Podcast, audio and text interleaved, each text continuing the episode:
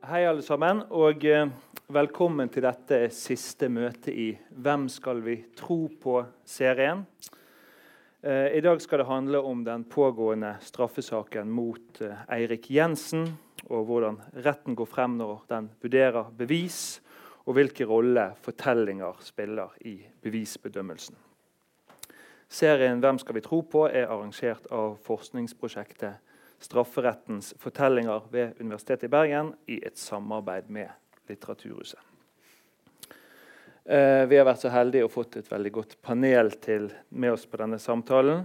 Nærmest meg Øystein Milli, nyhetssjef og krimekspert i VG. Han er også kjent fra TV-dokumentarserien 'Gåten Orderud' og har dekket Jensen-saken i eh, de foregående rundene. Ytterst her, Rune Henriksen Jørstad har også dekket saken for NRK, der han er journalist. Og dere kjenner sikkert snart igjen stemmen hans fra podkasten om Jensen-saken 'Purk eller skurk', som hadde da over eh, ja, som rundt 200 000 vel fulgte med på på det meste under tingrettsbehandlingen. Eh, dyden i midten Eh, Eivind Kolflot er professor i filosofi og rettsvitenskap ved Universitetet i Bergen.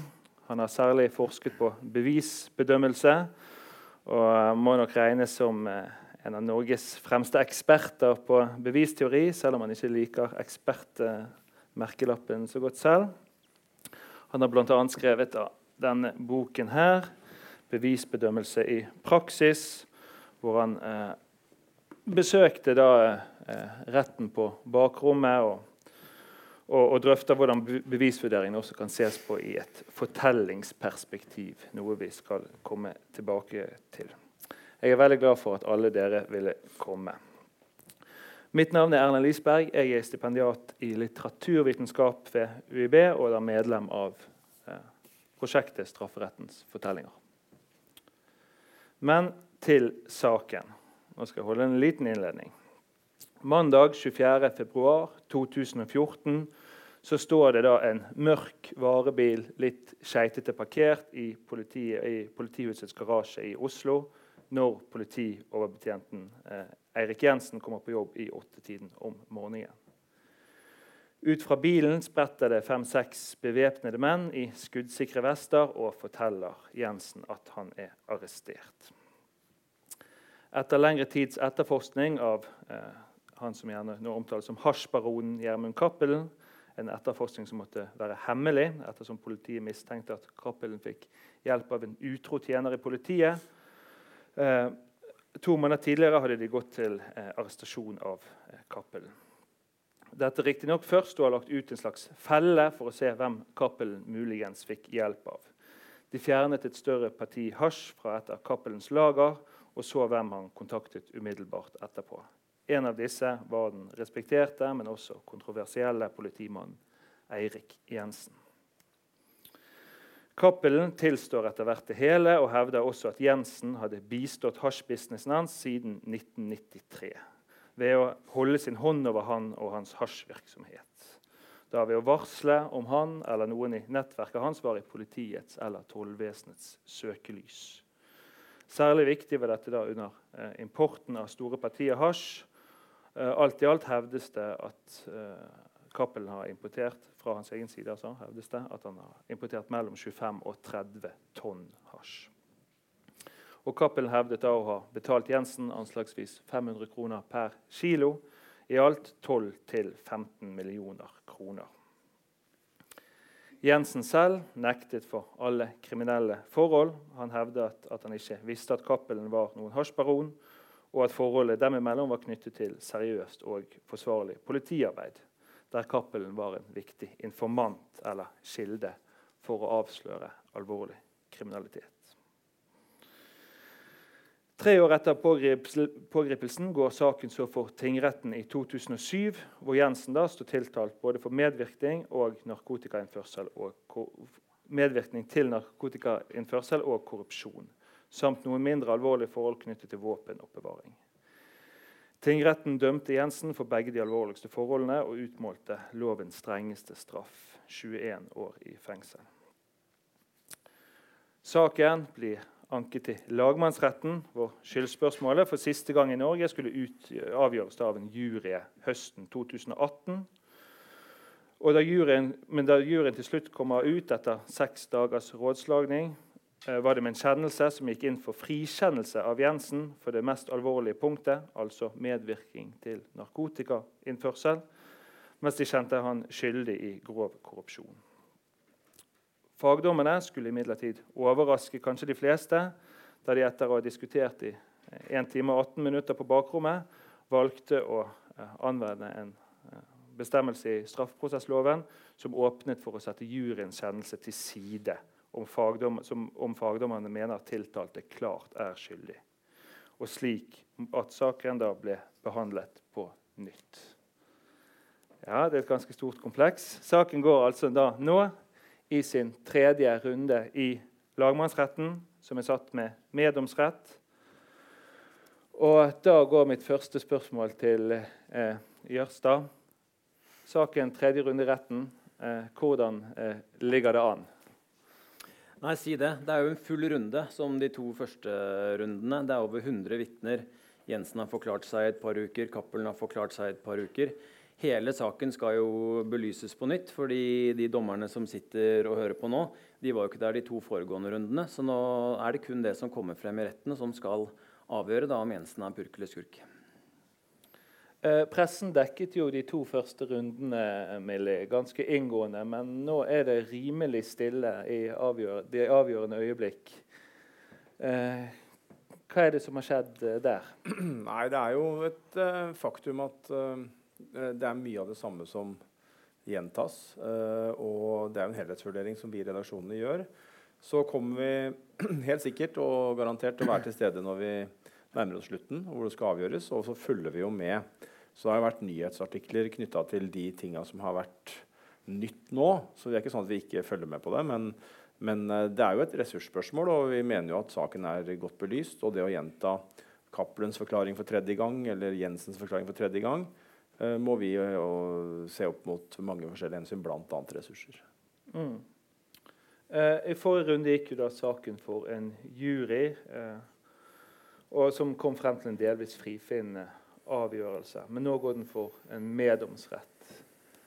Eivind, du har jo vært på bakrommet i disse meddomsrettene. Hva er det som skjer der når de skal vurdere og komme frem til sin avgjørelse? Ja, altså, Det kan jo være mye forskjellig. Noen ganger har man en inngående diskusjon. Det kommer jo litt an på hva bevissituasjonen legger opp til. Sant? Det Er en veldig kompleks bevissituasjon, så blir det nødvendig å gå veldig detaljert til verks.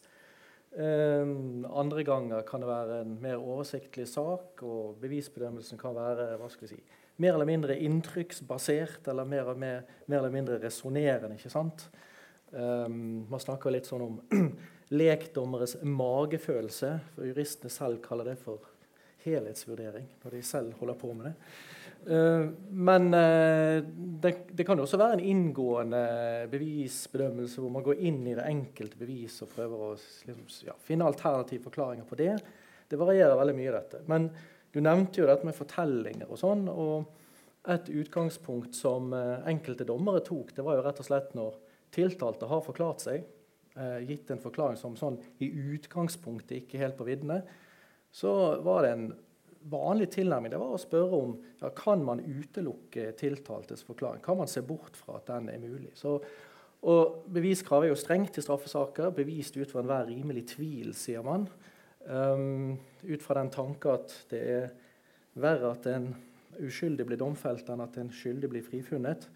Uh, så det er ikke et spørsmål om hvem man hvem tror man mest på, men et spørsmål om, eh, om uh, man kan se bort fra tiltaltes forklaring. Og Det kommer i grunnen eh, helt direkte til uttrykk i dommen. altså Ganske tidlig så sies det at det i dommen fra tingretten det er jo det eneste vi har foreløpig. Det er jo ingen domstekst fra lagmannsretten siden den kjennelsen ble satt til side. Men eh, det retten skriver her, er at Ehm, retten skal avgjøre om AS, altså Kappens historie, eh, om korrupsjon og Jensens medvirkning er bevist uten å være rimelig tvil, eller om Jensens historie ikke kan utelukkes. Det er de ordene retten bruker. Så de har denne tilnærmingen. Kan man se bort fra tiltaltes forklaring. Ja, for du, du skriver i, i, i, din bok om dette fortellingsperspektivet. Og, og, og, og gir da en definisjon på eh, beviskravet ut fra fortellingsperspektivet. Hva vil den definisjonen eh, være? Ja, Det vil jo være at eh, etter at bevisene er ført, så at det da ikke gjenstår en frifinnende fortelling, altså en fortelling som innebærer at eh, eh, tiltalte ikke har gjort det han er tiltalt for, som samtidig er realistisk. Altså ikke mest sannsynlig at den er realistisk eller plausibel, at man ikke helt kan utelukke den. Og, og uh, Fortellinger i bevisbedøvelsen blir vurdert si, i to dimensjoner. Det ene er hvordan den står til andre bevis i saken. Altså Stemmer den med andre vitneforklaringer f.eks. Men det andre er jo historien i seg selv. Fortellingen i seg selv. Er det noen problemer med denne fortellingen i seg selv? Er det noe som det noe som skurrer? Er det noen spenninger? Er det noe ulogisk? Sant? Det vil fort komme den type innvendinger mot en, uh, mot en fortelling som gjør at uh, man uh, retten vil si at nei, tiltaltes fortelling den er, den er, ikke plausibel eller realistisk. I prinsippet skulle ikke alt, altså Prinsipielt skulle ikke alt stå og falle med tiltaltes forklaring. For man kan jo tenke seg at en uskyldig tiltalt for eksempel, forsøker å bare forklare seg bort fra hendelsen. F.eks. 'jeg var ikke på åstedet', sant? og så er det beviselig feil. Men det betyr jo ikke at det ikke gjenstår et mulig realistisk scenario. Men i praksis blir det sånn som, ofte sånn som det står i dommen her, at uh, det er om det tiltalte faktisk har forklart, om man kan utelukke det, eller om man må si at ja, det kan ha skjedd på denne måten. Ja, nei, altså Et langt liv i, i krimjournalistikken uh, har lært meg um, no, noe. Og det er jo bl.a. det at uh, det er jo et prinsipp i domstolen om at uh, flertallet skal være legmenn og legkvinner som oss, som ikke har noe juridisk kompetanse. Og de skal vurdere disse bevisene. Så kan man jo si at, uh, kan man spørre om en stadig mer komplisert etterforskning som er veldig omfattende og til tider veldig komplisert å forstå, gjør noe med legmann og legkvinnens eh, forutsetninger for å klare å eh, gjøre seg opp en god oppfatning. eller en riktig oppfatning, men, men, det er to ting som i forhold til det med uh, Det er ofte snakk om troverdighet, snakk om hvem skal man tro på. Uh, står forklaringa til tiltalte troende? Og det er to ting som jeg har mange ganger merka meg, og det er jo ikke noe bombe heller, er problematisk som tiltalt. Og det er hvis du blir tatt i en løgn på noe sentralt i det anklagene gjelder, eller om du må endre forklaring. For det er sånn, litt sånn Hvorfor må du det? Hvorfor gjør du det? Og det, det, er jo tilfellet i denne saken at, at Jensen har endra forklaring på noen sentrale punkter. Og det er klart det merker mange, både fagdommere og meddommere, seg med stor interesse. Sånn er det. Mm. Eh, jeg oppfattet det sånn at også at han skiftet litt taktikk mellom første behandling i tingretten og den andre behandlingen i lagmannsretten. Jørstad, kan du si litt, om, si litt om det? Ja, I den første runden så var det jo veldig mye Eirik Jensen ikke huska. Og han har jo sagt til meg at han ikke var klar for den runden i retten i det hele tatt. Han var helt satt ut av det som hadde skjedd. Han ble som du eh, sa tatt på vei til jobb. Han satt 100 dager uh, i varetekt. Uh, og han sier at han var helt ute av balanse. Så han brukte masse tid på å forberede seg til ankesaken. Og da så vi jo en helt annen Erik Jensen, en mye mer forberedt Erik Jensen, som kunne svare på mange flere spørsmål enn i første runde. Eh, så er det jo opp til retten å vurdere om det som blir sagt, er sant eller ikke. Men det var i hvert fall en helt annen eh, versjon av Erik Jensen. Og mye av det som går inn i denne saken, her er jo veldig mange år tilbake. Det er mange detaljer. Men som Øystein var inne på, så er det jo har jo også Jensen endra forklaring på noen helt sentrale tekstmeldinger. Bl.a. om de flammehemmende platene som ble kjøpt, at 20 eh, av 30 var eh, brukt opp. Først ble det vel sagt at han skulle bruke det eh, på hytta og i en MC-klubb, men som etter hvert som han så på tidslinja og fant ut at de hyttene eller den MC-klubben var ikke tilgjengelig da, så kom det en tredje variant. Det samme med med badet at når Cappelens fingeravtrykk dukket opp på en kvittering, så endret også Jensen forklaring uh, på at han hadde fått kvitteringen fra Cappelen og ikke fra denne håndverkeren. Og så er jo spørsmålet hva husker vi av meldinger vi har sendt for 20 år siden, eller 10 år siden, eller ett år siden? det blir jo da opp til retten å, å vurdere om, om det er sannhetsgehalt i det eller ikke. Ja, hva, hva, gjør sånne ting med plausibiliteten i fortellingene? Altså det trekkes stadig frem i dommer. Det påpekes at et vitne, eller særlig en tiltalt, har uh, endret forklaring. Uh, det er gjerne ikke avgjørende, men uh, det blir et moment i vurderingen. I det materialet jeg har etter å ha besøkt lagmannsrettene for en del år siden, så var det en voldtektssak hvor jeg tenker at hvis den tiltalte hadde presentert den siste historien først, så ville det vært vanskelig å domfelle. Men det ble altså stadig vekk nye forklaringer etter hvert som bevis ble lagt frem, og tiltalte mistet jo da mer og mer troverdighet utover i saken. Det, det er helt klart at det har en betydning. Hvordan tror dere media for eksempel, har påvirket uh, disse her fortellingene? Altså, det er jo veldig mange steder man, man kan lese om uh, både Jensen-saken, altså purk eller skurk. Uh, Jensen har jo selv også utgitt sin egen eh, slags selvbiografi om hendelsene. Og, og Torgrim Eggen har jo også utgitt en bok om, om, om saken. Eh, hvor mye tenkte du på det når du lagde serien din, Jørstad? Eh, veldig mye. Det var noe av det som gjorde det aller vanskeligst å lage den podkasten. Fordi vi lagde jo den mens den første runden i retten pågikk. Og det hadde aldri vi gjort før. Og det vet ikke om noen andre serier som heller har blitt laget underveis i en rettssak. Og det vi var mest redd for, var nettopp det du sier, å påvirke en pågående sak. Derfor måtte man jo være veldig forsiktig. Jeg kunne ikke påstå noe, men man kan stille spørsmål, man kan undre. Man kan eh, finne folk som ikke har uttalt seg før. Og så må man sørge for at hver eneste episode og hver eneste sak helst som man lager, da er vekta, så det ikke blir eh, ubalanse. Men eh, du kan godt eh, få lytterne til å gå ut på en sånn slags vandring der man i starten av en episode tenker skyldig og på slutten uskyldig. At man altså stiller mange spørsmål og får frem nye momenter. Men man skal være veldig forsiktig med å påvirke en pågående sak. Det skal vi ikke gjøre. Ja, Disse to uh, overordnede liksom, eh, fortellingene, eh, tror du det kan gjøre noe med hvordan retten behandler eh, saken? Kolfot? Altså, det er jo en polarisering her. Altså, det kan være litt vanskelig mange har nok litt vanskelig for å se for seg at det fins en mellomting her. Og, og En av farene ved å ha en sånn fortellingstilnærming til eh, bevisbedømmelsen Mange farer ved det. Mye bevisbedømmeren bør være oppmerksom på der. Men en av det er jo at vi, vi er kanskje mest glad i de rendyrkede fortellingene. Sant? Altså purk eller skurk. Det er liksom de to eh, alternativene. Eh, I denne saken så har ikke sett det tredje mellomliggende alternativet veldig sånn godt uh, presentert. da. Så um, her er det jo en sak som legger litt opp til den formen for altså, re, ja, rendyrkede fortellinger og den polariseringen som da skjer. Det er enten det ene eller det andre. Og Det merker vi veldig tydelig på folk. At det er en sak der folk har veldig tydelige meninger om uh, De er veldig tydelige på hva de mener. da. Uh, om Jensen er skyldig eller ikke. Jeg har aldri dekket en sak der så mange har engasjert seg i skyldspørsmålet og vært så tydelig i hva de mener, enten det er for eller mot, så er det helt tydelig at mange har gått inn i saken og gjort seg opp en mening. Og det er jo interessant i seg selv. Ja, så er det, jo, det, er jo en, det er en sak med to historier, og det er, det er ikke noe uvanlig, det, for så vidt. og det er jo sånn at om man tror på Cappelen, så bør ikke alt Cappelen sier, være sant. Og hvis man tror på Jensen eh, når man skal gjøre opp regnskapet, så bør man ikke være sant alt Jensen sier.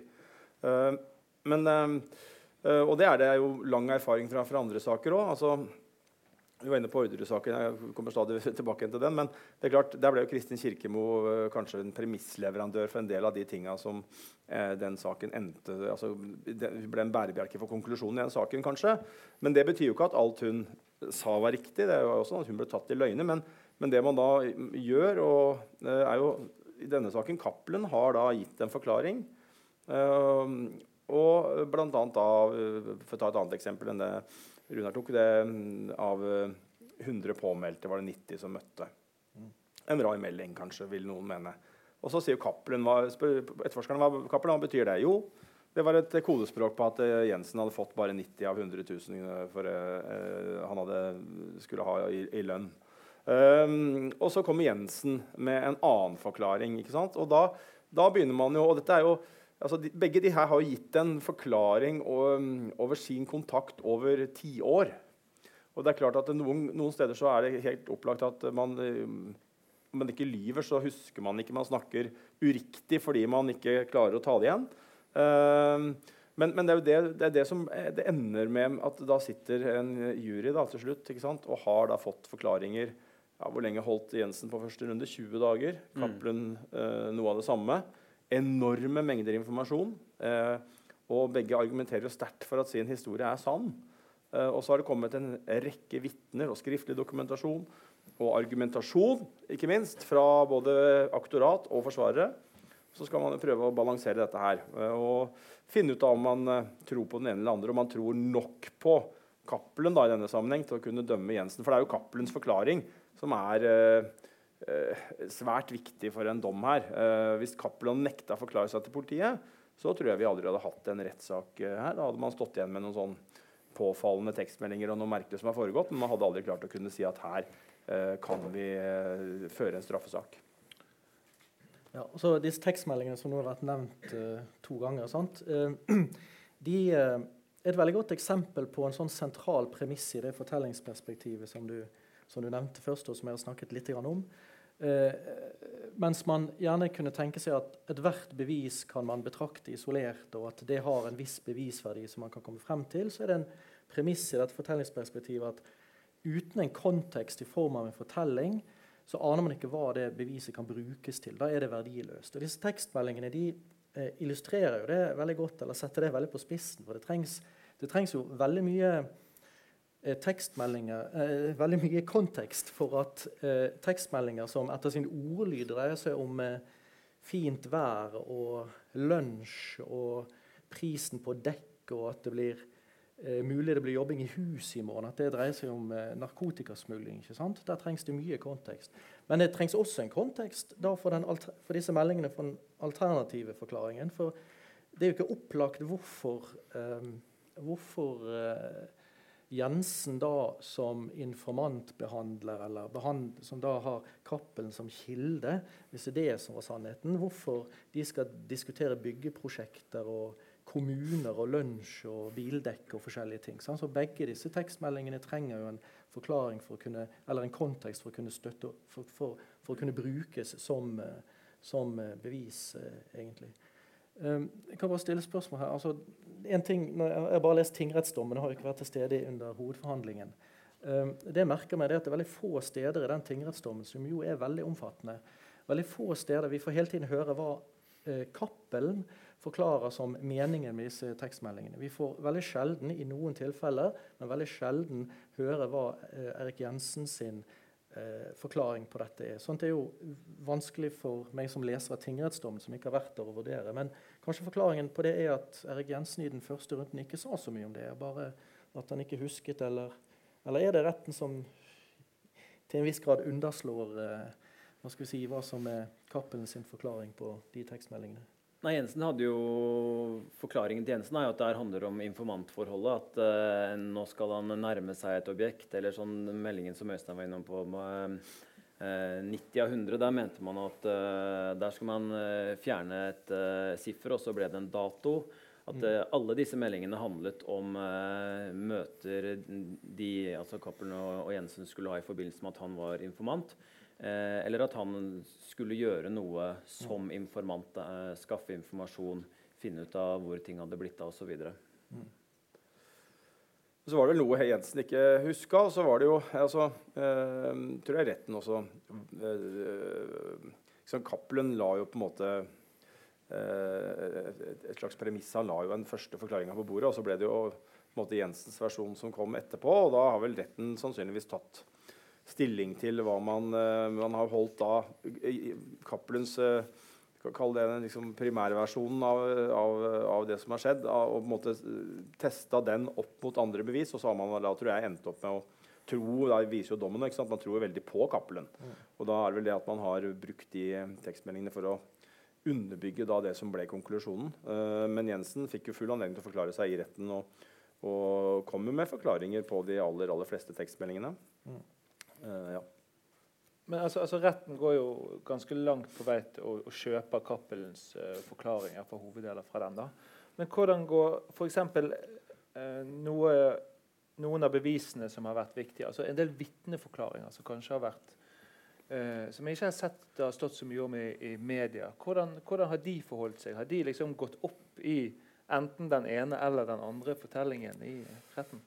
I stor grad så har det vært litt eh, polarisering der også. Eh, du har hatt de som har kommet og, og sagt at Jensen har vært en helstøpt politimann. og uh, Man kan ikke se for seg at han har gjort noe gærent. Uh, og så har det kommet folk som har sagt at uh, Og jeg har snakka med andre som ikke har vært, i retten, og man har vært og gått med en mistanke i mange mange år. Og man har holdt Oslo utafor. Folk på Romerike som var, så at hvis man var blanda inn Oslo, så gikk det gærent. Hvis man ikke blanda inn i Oslo, så gikk det bra med operasjonene.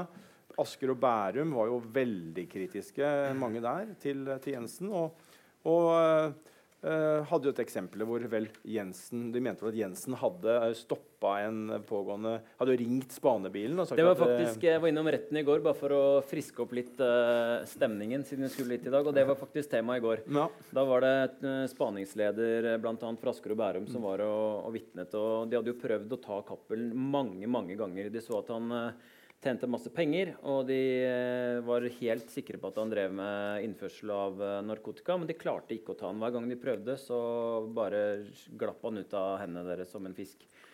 Eh, så skulle de prøve da en ordentlig siste gang, og de spanet på Cappelen. Han plukker opp Erik Jensen, og de kjører opp på Ekeberg. Og etter at de to skiller lag, så ringer jo Gjermund Cappelen da til spaningslederen. Eh, og som spaningssjefen sa i går, at de, de, så jo på det som en skikkelig sånn pekenese til eh, politiet. Har, jeg har full kontroll på dere, dere kan bare slutte å følge etter meg. Eh, men så er det jo det som er så fascinerende. For i, også på det punktet her så er det jo litt usikkerhet og to helt forskjellige forklaringer. Det eneste Jensen og Cappelen er enige om, er jo at de har kjent hverandre i mange år, og at, hjalp, nei, at Jensen hjalp Cappelen da han hadde litt utfordringer med, med rus en periode. Og Så begynner jo Elden å spørre i retten i går da, men eh, er dere, er dere sikre på at eh, det var Cappelen som ringte rett til spaningslederen? Nei, de var ikke helt sikre på det. Ja, kan man ikke ringe via sentralbord og bli bedt om å bli satt over til spaningsleder hvis man har et tips? Jo, det kunne man jo for så vidt bli. Så nok en gang da så kommer den tvilen eh, frem, sånn som det er på, egentlig på alle ting som blir tatt opp i retten. At det, det er to, to forklaringer på på alt. Cappelen sin og, og, Jensen sin. Og så er det da som du sier, vitner som underbygger enten det ene eller det andre. Ja, det virker når jeg har lest tingrettsdommen, men det er altså den første behandlingen, så virker det som at de største problemene Erik Jensen sin eh, fortelling får, i tillegg til Cappelens forklaring, da, det er at det skal ha vært noen møter eh, med politiansatte hvor eh, Cappelens hasjvirksomhet skulle vært omtalt, og at det finnes notater på dette. At uh, det ble funnet et notat hjemme hos Erik Jensen hvor uh, det var et tema. For det er jo en sentral, sen, helt sentral premiss i, eller punkt i, i uh, Jensens fortelling. Det er jo at han ikke var klar over at Jensen drev med hasj, denne hasjvirksomheten etter 1993. da. Mens det virker som retten mener at man har fullgodt bevis på at det, det har han visst gjennom et par møter som nevnes i dommen. Mm. Er et, hvor det er tatt notater, som det foreligger notater, sant? og Cappelens navn er, er der. Mm. Blant annet et sted der det står at, at Jensen vel har skrevet selv, eller noe ja. sånt. Som Til dansk politi, ja. ja. I forbindelse med en sak. Ja. Mm. Men, det, er det er klart at det, altså, Nå sitter vi jo, og Saken er jo oppe for tredje gang. og det er jo ikke godt å si hvor vi ender nå, men, men det som er et faktum, da, er jo at uh, i, i, i, tingretten så var det vel to eh, fagdommere som vurderte denne saken grundig. og enstemmig sammen med tre meddommere dømte han til 20 års fengsel. I lagmannsretten så var det jo da en jury som kom til den delte løsningen, men det var vel tre fagdommere vi forsterka rett som var så overbevist om at han er skyldig, at de valgte å gå til det ganske, det er ganske høy terskel å, å vrake juryens kjennelse. ikke sant? Så det, det, er klart at Jensen jobber jo i en motbakke. Mm. Eh, også inn i tredje runde. Det er det ingen tvil om, selv om han da ble frikjent for narkotikaen. Eh, kanskje fordi, det, fordi at eh, noen i juryen og Det er jo et sånn problem, eller det er jo en, et faktor i denne saken er jo uh, ut fra skal ta Cappelens versjon, da. Alle de pengene som Jensen skal ha tjent, hvor er de? Det er, jo, det, er jo, et godt argument, syns jeg, for, for, Jensen. For det er ingen spor etter eh, Jeg husker ikke nå Rune, hvor mange millioner det skulle bli, men det var 500 kroner per kilo, og det var mange mange tonn. Mm. Så det er jo det er så mye penger at du ikke, klarer ikke nesten grave dem engang. Um, Nei, og det er jo litt av litt av det som var interessant. Vi hadde jo en uh, litt tilsvarende sak i Finland for en del år siden, der Org-krim-sjefen røyk rett inn. og Der fant de jo flere tønner med penger som var gravd ned i hagen.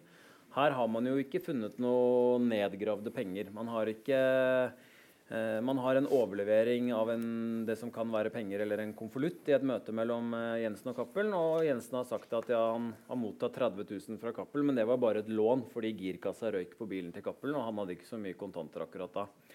Så du har på en måte ikke de der soleklare bevisene der du er tatt på fersk gjerning.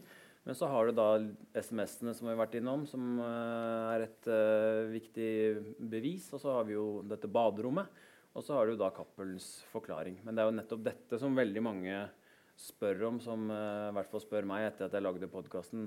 Hvilke bevis har man? Hvordan kan man dømme når man ikke har noe mer håndfast? Ja, ja, hva er det korrupsjonen eh, Det er dette baderommet. Kan du bare si litt om uh... Ja, det var Jensen som skulle pusse opp eh, badet på et småbruk han bodde på. og da har han jo forklart i retten at Cappell nettopp hadde pustet opp badet sitt, og at han uh, var veldig fornøyd med denne håndverkeren som han hadde brukt. Uh, og at Jensen også da skulle bruke samme håndverker. problemet kom da det skulle betales for den oppussingen. Da hevder Jensen at han ikke fikk tak i håndverkeren. Og at han aldri betalte, siden håndverkeren døde ganske kort tid etterpå. Mens Cappelen sier jo da at han fasiliterte alt, og at han betalte. Så han har vært litt også forandret forklaring litt der og sagt at det var kanskje ikke en klar avtale på at han skulle betale, men han mener at det skjønte Jensen at det var sånn det skulle løses. Her er de jo veldig uenige om eh, hva som har skjedd, og dette baderommet har jo blitt veldig sentralt i, i saken. Så det er noen penger, og så er det baderommet, og så er det også noen klokker? Er det riktig? Millie, har du Ja, det er jo snakk om klokker, og det er jo da eh, Også der har jo Jensen det har vel skjedd nå at han har endret forklaring og sagt at den klokka som det må jeg bare huske riktig, Den siste forklaringa mener jeg er at han har fått at den, det beviset, klokkebeviset og den klokka stammer fra et, en handel i Tyrkia eller uh, noe i den retning. Ja. Mens uh, påtalemyndigheten knytter jo den klokka til Cappelen og mener at Cappelen har gitt denne klokka til Jensen som en del av denne korrupsjonen. ikke sant? Og det er klart Det som, det som, jo blir et problem for Jensen, uh, skyld eller ikke skyld, er jo at det er lett å si, og det er jo for så vidt også han nå må jeg også ta det på husken, Runa, men jeg mener også han har erkjent at han har hatt en uh, dårlig dømmekraft knytta til Cappelen og en, en, usunn kontakt. ikke sant? Mm. og det, jo, det kan vi jo, det er, Hvis vi tar Jensens versjon, da, at du låner penger av en kriminell, cash kontant, som politimann, er neppe etter boka. Uh, og det er mange ting med den kildekontakten og den uh, informantkontakten som man kan stille spørsmål ved. Det at du sitter med en telefon og skal ha kontakt med en kilde i politiet, og så er det kjeltringen som stiller med telefon. Det er jo òg veldig veldig, veldig uvanlig. Om jeg noen gang har hørt om det, uh, så er det jo sånn at et kildeforhold så er det jo politiet som styrer. Du har jo kildeførere. og det er ikke bare én, men Du har jo da et team som jobber mot deg som kilde for å sikre nettopp det. At ikke det oppstår en usunn forbindelse, at man vurderer sikkerheten til kilden. Mange mange ting som politiet har veldig kontroll på. For det er jo noe av det mest krevende man gjør, er jo å, å føre kilder og informanter. Mens Jensen har jo holdt på med et one man-show overfor Hvis det er et kildeforhold, dette her, så er det et one man-show. Holdt det skjult for uh, sjefer og kolleger. Uh, Cappelen stiller med en telefon de skal kommunisere på, og den telefonen har Jensen nå sagt at han kasta. Mm. Og jeg tenker uh, Eller jeg tenker ikke, men jeg vil tro at noen tenker. Etter han hørte Cappelen var Ja, at det er dumt. ikke sant? For hvis du da uh, kan dokumentere at dette er uh, hvis, jeg, hvis, jeg, sitter på dokumentasjon, så vet jeg at dette her kan dokumentere at jeg har ikke gjort noe gærent. Da holder jeg på den som den skulle være det siste jeg hadde. Så at her er beviset mitt. Dette er livsforsikringa mi kaster ikke den i Glomma. Uh, og sier at den ble borte, for det måtte jeg gjøre på sikkerhet. Det, og, det, og, det, og jo, jeg vet ikke hva som har rørt seg i hodet på Jensen, men, og om det er skyld eller ikke skyld, aner ikke. Men det er jo veldig, veldig uklokt, da, tenker jeg. Og, og, det er jo sånne ting som selvfølgelig jurymedlemmer og fagdommere sitter og vurderer. ikke sant? Uh, det er jo en del av helheten. Og det er jo ikke sånn at eh, vi snakker om bevis. ikke sant? Man, jeg er helt sikker på Hvis jeg hadde vært meddommer, så hadde jeg ønska meg sterkt et fellende, trygt bevis som jeg kunne si at dette er beviset. Jeg kan dømme, dra hjem, legge meg, sove godt og vite at jeg har gjort det helt riktige uh, når samfunnet har pekt på meg som uh, å være dommer. Men det er jo i mange av de sakene vi diskuterer nå uh, Orderud, Baneheia, Tengs, Jensen og det kommer sikkert flere, så er jo akkurat det der problemstillingen. ikke sant? Det fins ingen sånne enkle, enkeltstående fellende bevis. Man må se på samla bevisbilde. Og da blir det komplisert. Og da blir det eh, diskusjon eh, og usikkerhet og problemer for de som skal eh, avgjøre om det er purk eller skurk i, i Jensen-saken. Og der Når du kommer inn i Oslo tingrett i sal 250 nå, så ser du jo nesten ikke veggen. For det er jo bare permer med papirer. Det er jo, det er jo en utrolig omfattende sak. De skal jo sitte der nesten et halvt år. Og det er så mange detaljer, og tidslinjene går jo over 20 eh, år. Så det er ingen enkel oppgave for de som uh, sitter og skal holde styr på alt mulig der. Uh, kan det være at denne polariseringen, altså dette purk eller skurk, og det store sakskomplekset Det blir jo å spekulere, da, men at det kanskje gjør at at det har vært et slags trykk utenfra. Da, og Det er derfor f.eks. en jury i lagmannsretten kanskje velger en mellomting. da, Litt purk og litt skurk at det er et problem eh, for, eh, for lekmenn å helt sette seg inn i at det enten må være purk, fri mann eller skurk. 21 år. Ja, jeg tror jo det kan være, være, noe Det blir jo spekulasjoner. Igjen så er det sånn at juryen gir jo ingen eh, begrunnelse. Og i hvert fall ikke når juryen har fått beskjed om at de har gjort en elendig jobb og blir sendt hjem etter hva var det, fem eller fire, fem, seks måneder. Men, men det er klart Uh, pengene er jo uh, noe man vil gripe tak i. Okay, det, Cappelen sier at han har fått uh, eh, 500 kroner per kilo. Oi, hvor er penga, ikke sant? Jensen har vært en Det kommer masse vitner og forteller om at Jensen har vært en meget dyktig politimann, og det er det ikke noe tvil om. Han har mange, Det er bare å se på gjengprosjekt, og det er mange ting han, han har holdt på med som gjør at Altså, det er jo Det er ikke svart-hvitt. Jensen er ikke sånn om han er skyldig, så er det ikke tegna et inntrykk av han gjennom vitneførselen at dette er en kynisk politimann som går på jobb klokka åtte, starter med å motarbeide sine egne kolleger i ett kjør fram til lunsj, tar en kort lunsj og fortsetter etter lunsj fram til klokka fire, og kanskje også på overtid, sitter og motarbeider kolleger. Det, det inntrykket fins jo ikke overhodet. Og det er klart, eh, eh, tvert imot, det kommer mange politifolk og sier at Jensen var en helstøpt mann, han var dyktig, han var den beste, han hadde tillit helt opp til Eh, både riksadvokat med dette hemmelige prosjektet sitt. Han hadde tillit hos sine sjefer i mange år. Han ble sett på som en, et unikum og et, en, et spydspiss i mange sammenhenger.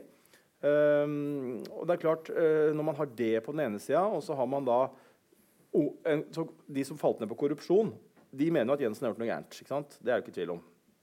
Uh, og at det har vært en forbindelse med, med, med, med Cappelen som er straffbar.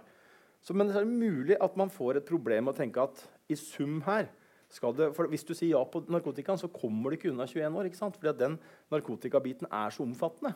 At uh, du har liksom ganga opp uh, egentlig straffenivået mange ganger allerede. Og da er det så enkelt i en jury at man uh, behøver ikke følge verken det ene eller andre, annet enn magefølelse og, og, og stemme, og ikke begrunne. Og det er klart, sånne ting kan spille inn. Det tror jeg vi har Uh, jeg har litt innsyn i et par andre juryer som har, har jobba. Og det er klart det er vanlige menn og kvinner som gjør helt sånne legmannsvurderinger uh, litt utafor jussen.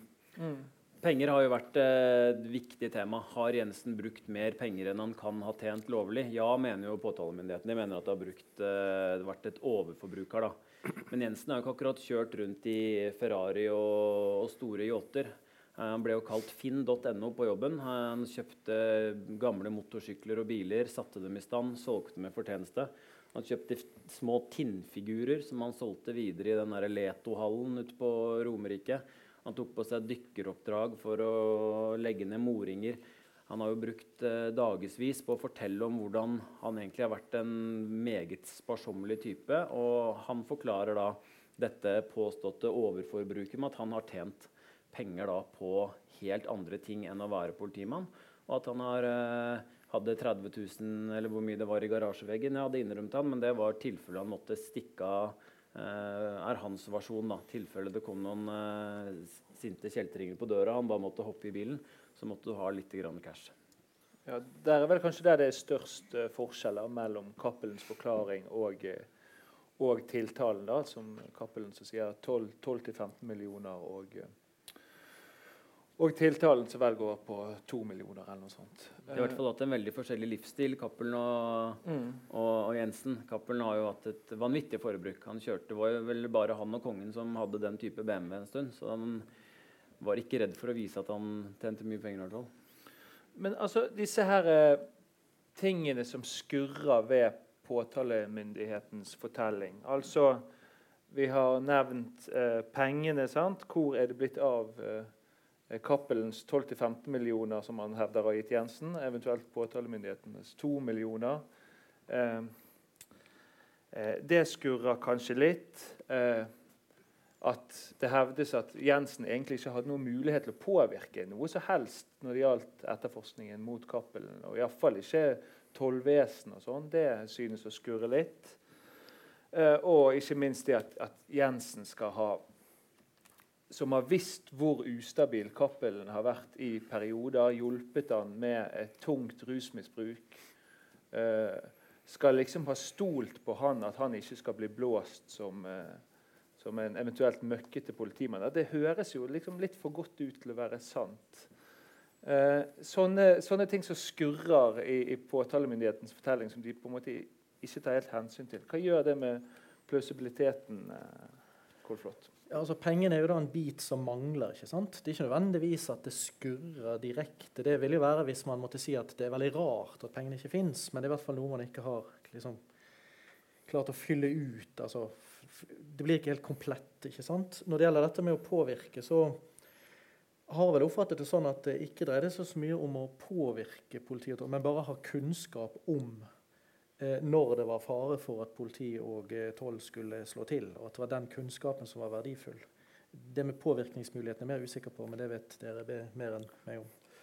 Ja, altså, Jeg oppfatter jo at Cappelen eh, nærmest har følt at han har betalt for en tjeneste han ikke har fått. At Cappelen mener jo og føler jo på, noen del punkter at Jensen har utgitt sånn han mener det, at Jensen har utgitt seg for å ha mye mer oversikt og kontroll og påvirkningsmuligheter enn han faktisk har hatt. Uh, og så er jo spørsmålet om det er sant. Men det er i hvert fall Cappelen har jo uttrykt det i retten. At han, at han er litt overraska når han får se måte, det han mener er fasiten om bakteppet her. At søren òg uh, var ikke så trygt, for Jensen hadde ikke, hadde ikke den kontrollen. men så har jo påtalemyndigheten knytta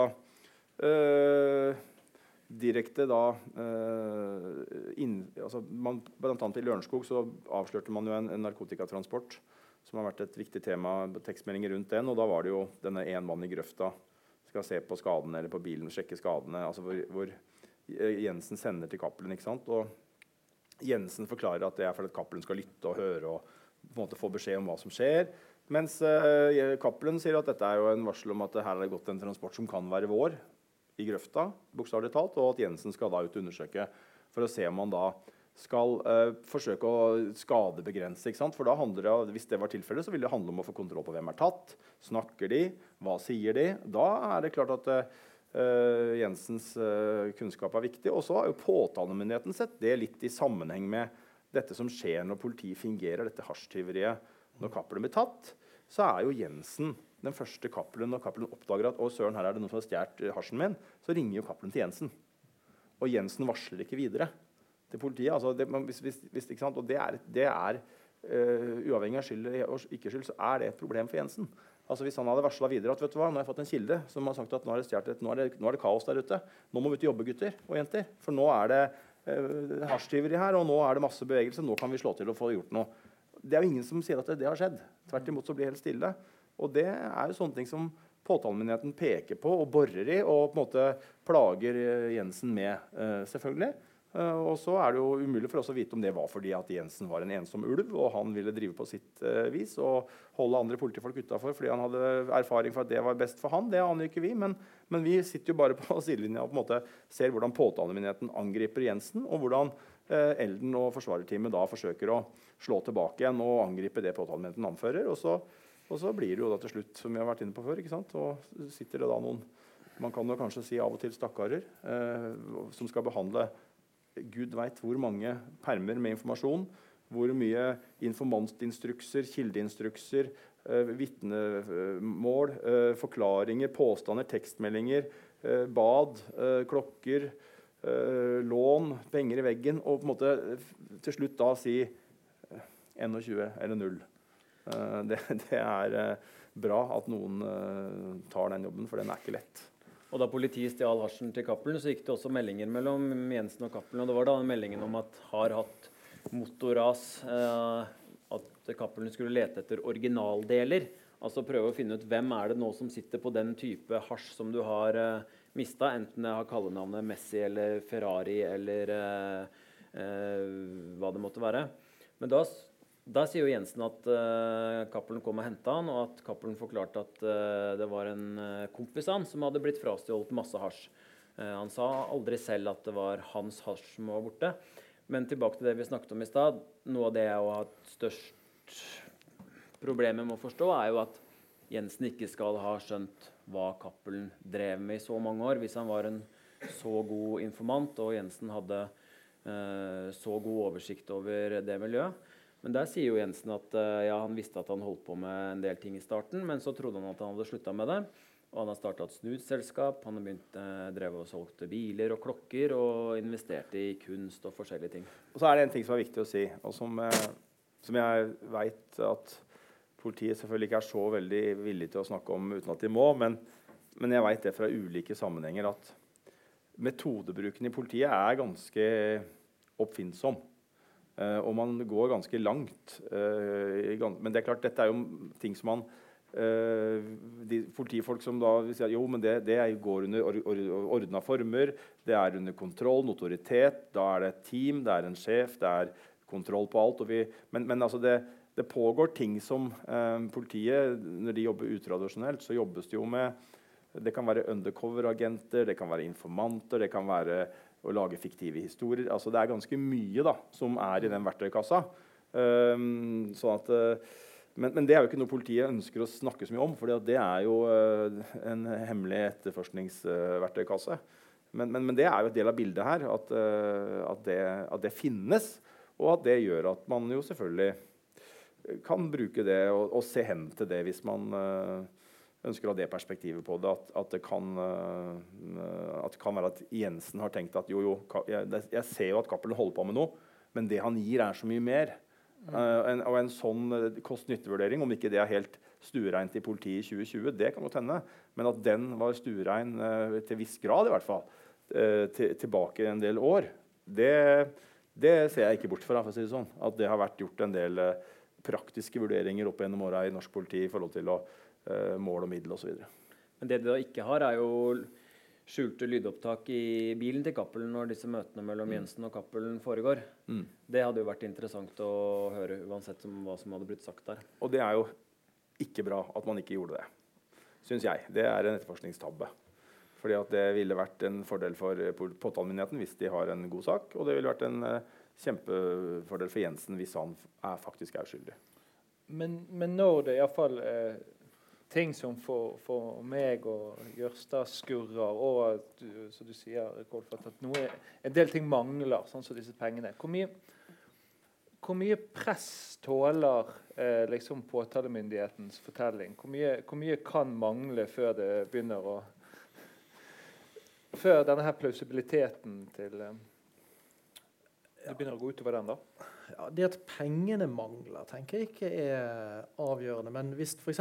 motivet mangler, at det skulle være helt uforståelig at man handler på en bestemt måte, da, da det, hvis det mangler, da er det et problem. ikke sant? Uh, men at man ikke finner de pengene i seg selv, det er selvfølgelig for påtalemyndigheten ønskelig om de fantes, men, men uh, det det skaper ikke så store problem for fortellingen som sådan, vil jeg si. Det i seg selv. Mm. Uh, vi må snart uh, åpne for spørsmål fra salen, men jeg har lyst til å spørre dere Hvis, hvis, hvis uh, det finnes en sånn frifinnende fortelling, da, og man skal kombinere de ulike plausible momentene i den, da, og ordne den hvordan vil en sånn eh, fortelling eh, gå? Kan du si noe om det, Jørstad? Jeg tror jeg skal være forsiktig med å ha for, uh, for sterke meninger om det. altså. Jeg kan, kan ha, ha, litt sterkere meninger, som jeg står i en litt friere rolle. Nei, altså, Milde kommentator, ja, jeg, jeg, kan mene litt. Nei, nei, altså da er det altså Hvis jeg skulle vært forsvareren til, til, til Jensen, så er det jo så er det et ja et spesielt forhold eh, som har hatt mellommenneskelige aspekter.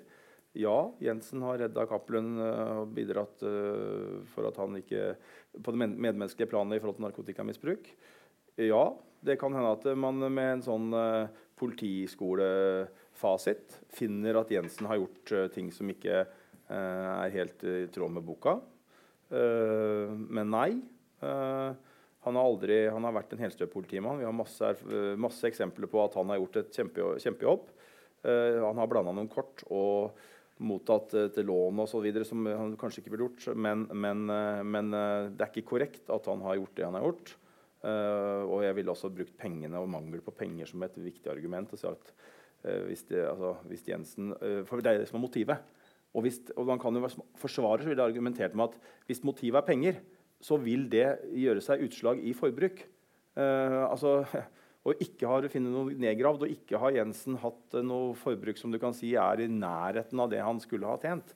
Og da vil jeg også si at da, Som forsvarer vil jeg også peke på at da stiller jeg spørsmål ved om, om fins motivet der. faktisk. Og da kan man jo begynne å argumentere for uh, at dette er noe annet. Uh, og så blir det opp til retten å vurdere det. Men det var i hvert fall noe jeg ville tatt tak i som forsvarsadvokat for, for Jensen. tror jeg. Og det har Jensen også erkjent, at forholdet mellom de to ble altfor tett. Det skulle ikke vært så tett.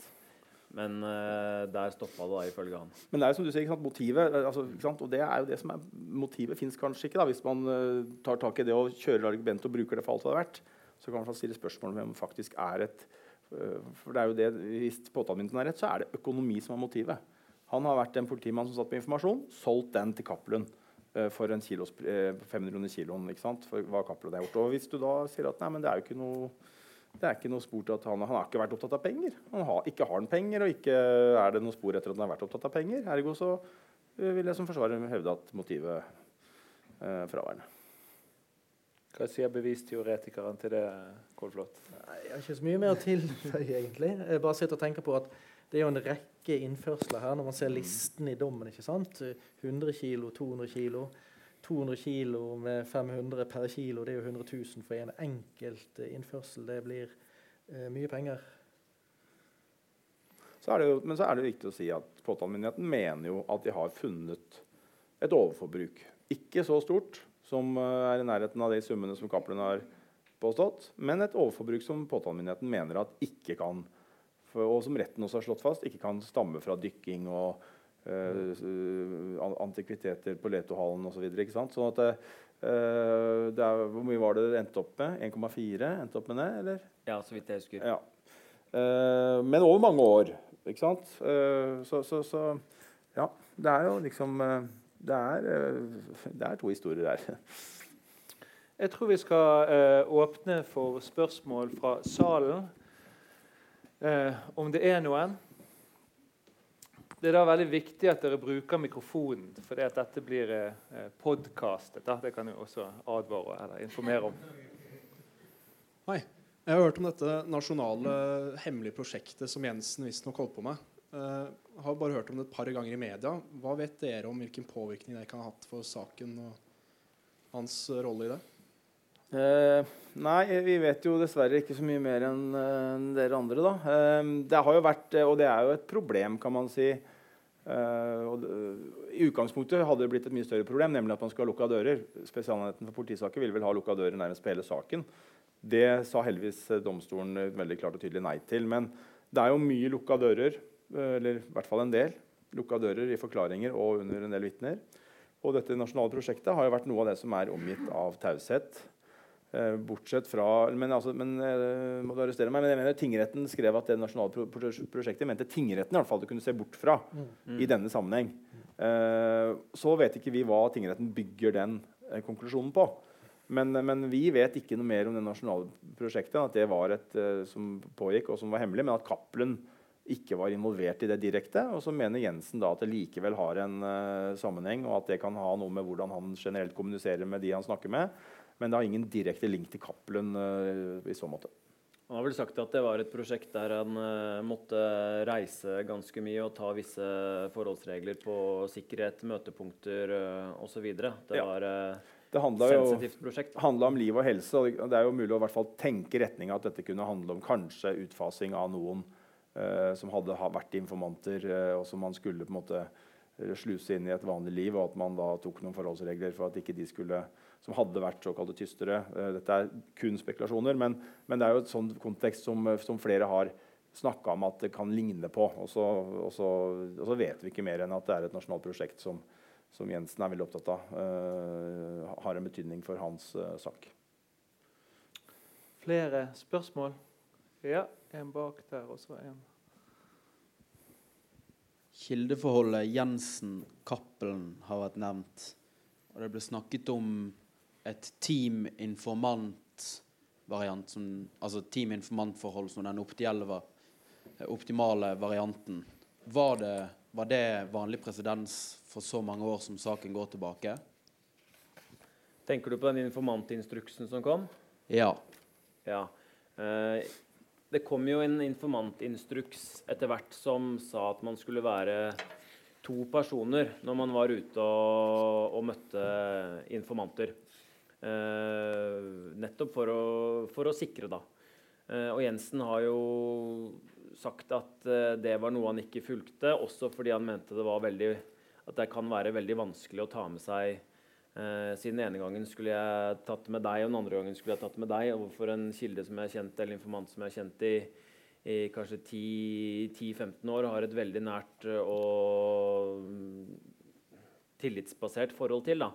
Så denne instruksen har jo vært uh, mye omtalt at uh, Jensen burde hatt med seg noen ut, men at det var uh, i starten ikke var så strengt som det kanskje ble etter hvert. da. Men han har jo også fått kritikk for det. Og så nedgraderer han Cappelen fra informant til kilde på et tidspunkt. Ganske tidlig. Ja. Mm. For å unngå en del av disse reglene. Stemmer det med det? Ja, det stemmer. Og så stemmer det nok også at uh, uh, Det tror jeg vel man er enig om uh, fra begge parter, at Jensen var veldig tidlig en utradisjonell politimann.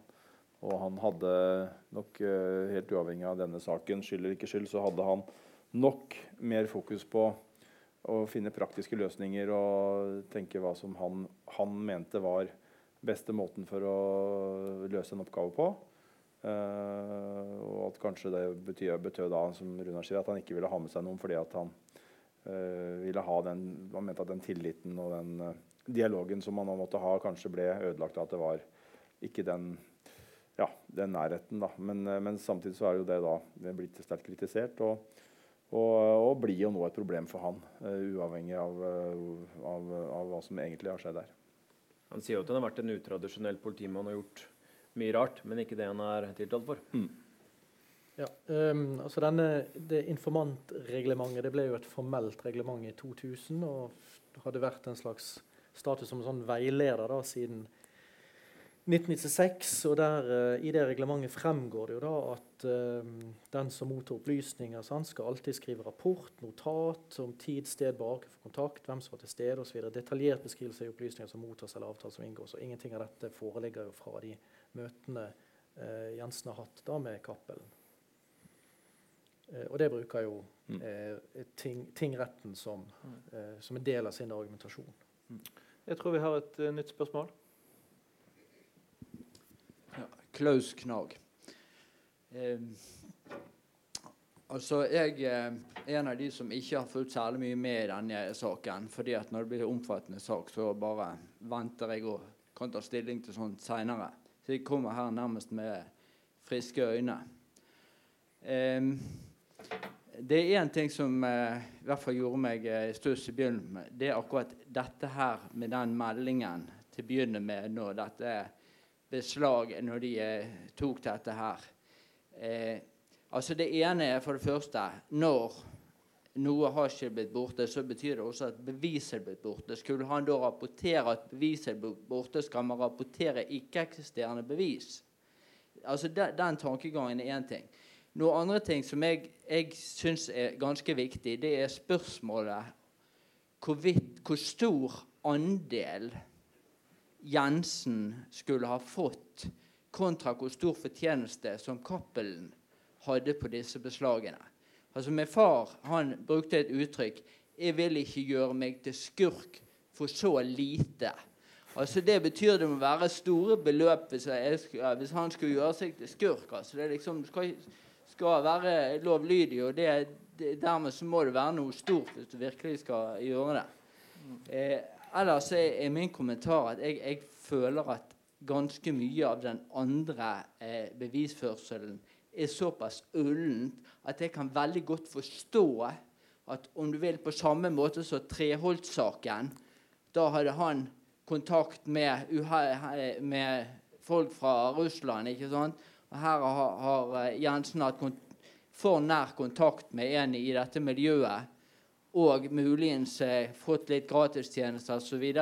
Og at han da ble dømt for korrupsjon. Jeg kan godt forstå at juryen har frikjent han for det ene. Ja. Vil, dere, vil dere si noe om, uh, om uh, denne her innledende meldingen og det hasjpartiet som uh, politiet fjernet? Vi var jo så vidt innom det.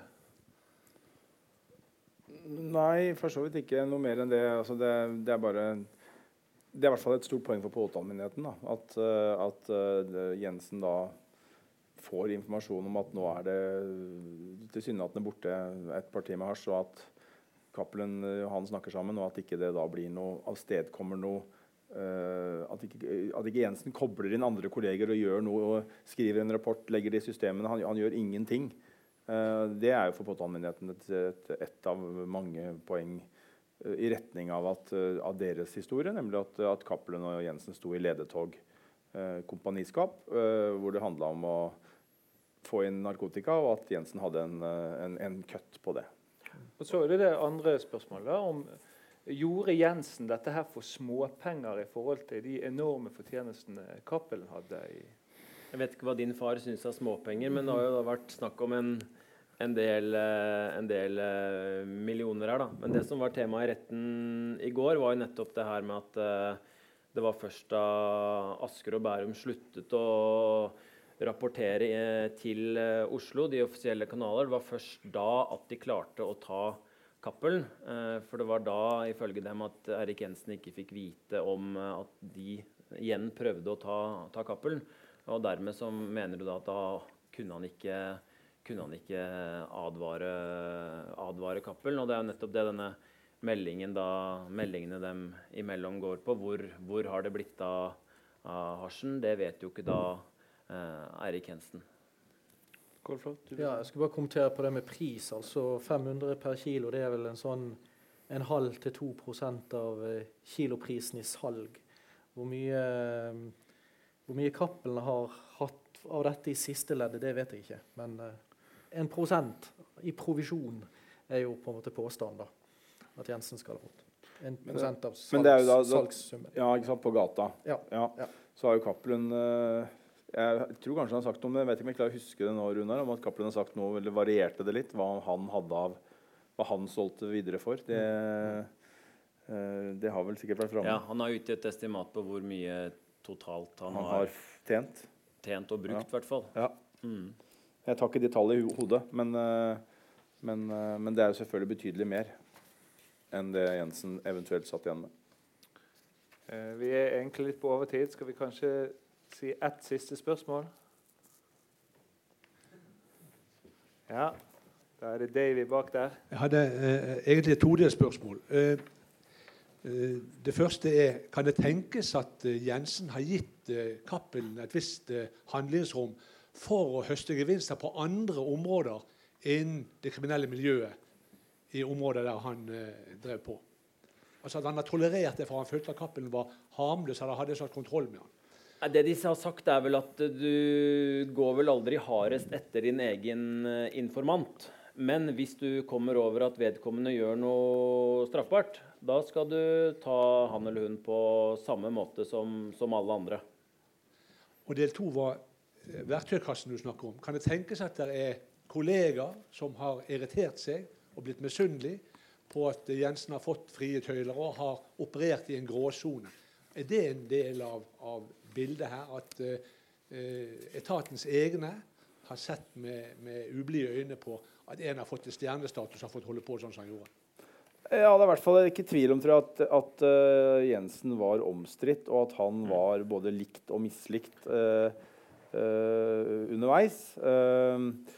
og det er nok sikkert de som nå uh, syns det er helt OK at han er tatt, fordi de har jo ment, det er jo flere som har, sier nå i hvert fall, at de har ment og hatt mistanke til Jensen over lang tid.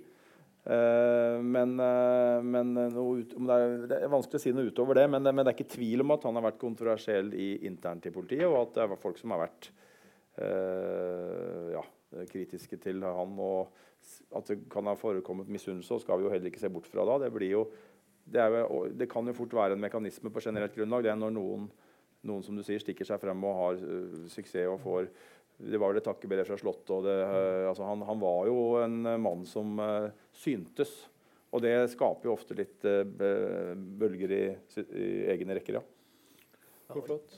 Og nettopp dette er en del av Erik Jensen sin fortelling, hvis vi kan basere oss på tingrettens resymé av hans eh, frie forklaring, da, han, hvor han er gjengitt som at eh, Eh, noen i politiet opererer som et moralpoliti, hvor da Jensen har falt i unåde pga. sine metoder, kontakter, ledelsesstil og væremåte. Så dette er, bare, mm. er, jo en del av Jensens fortelling. Mm.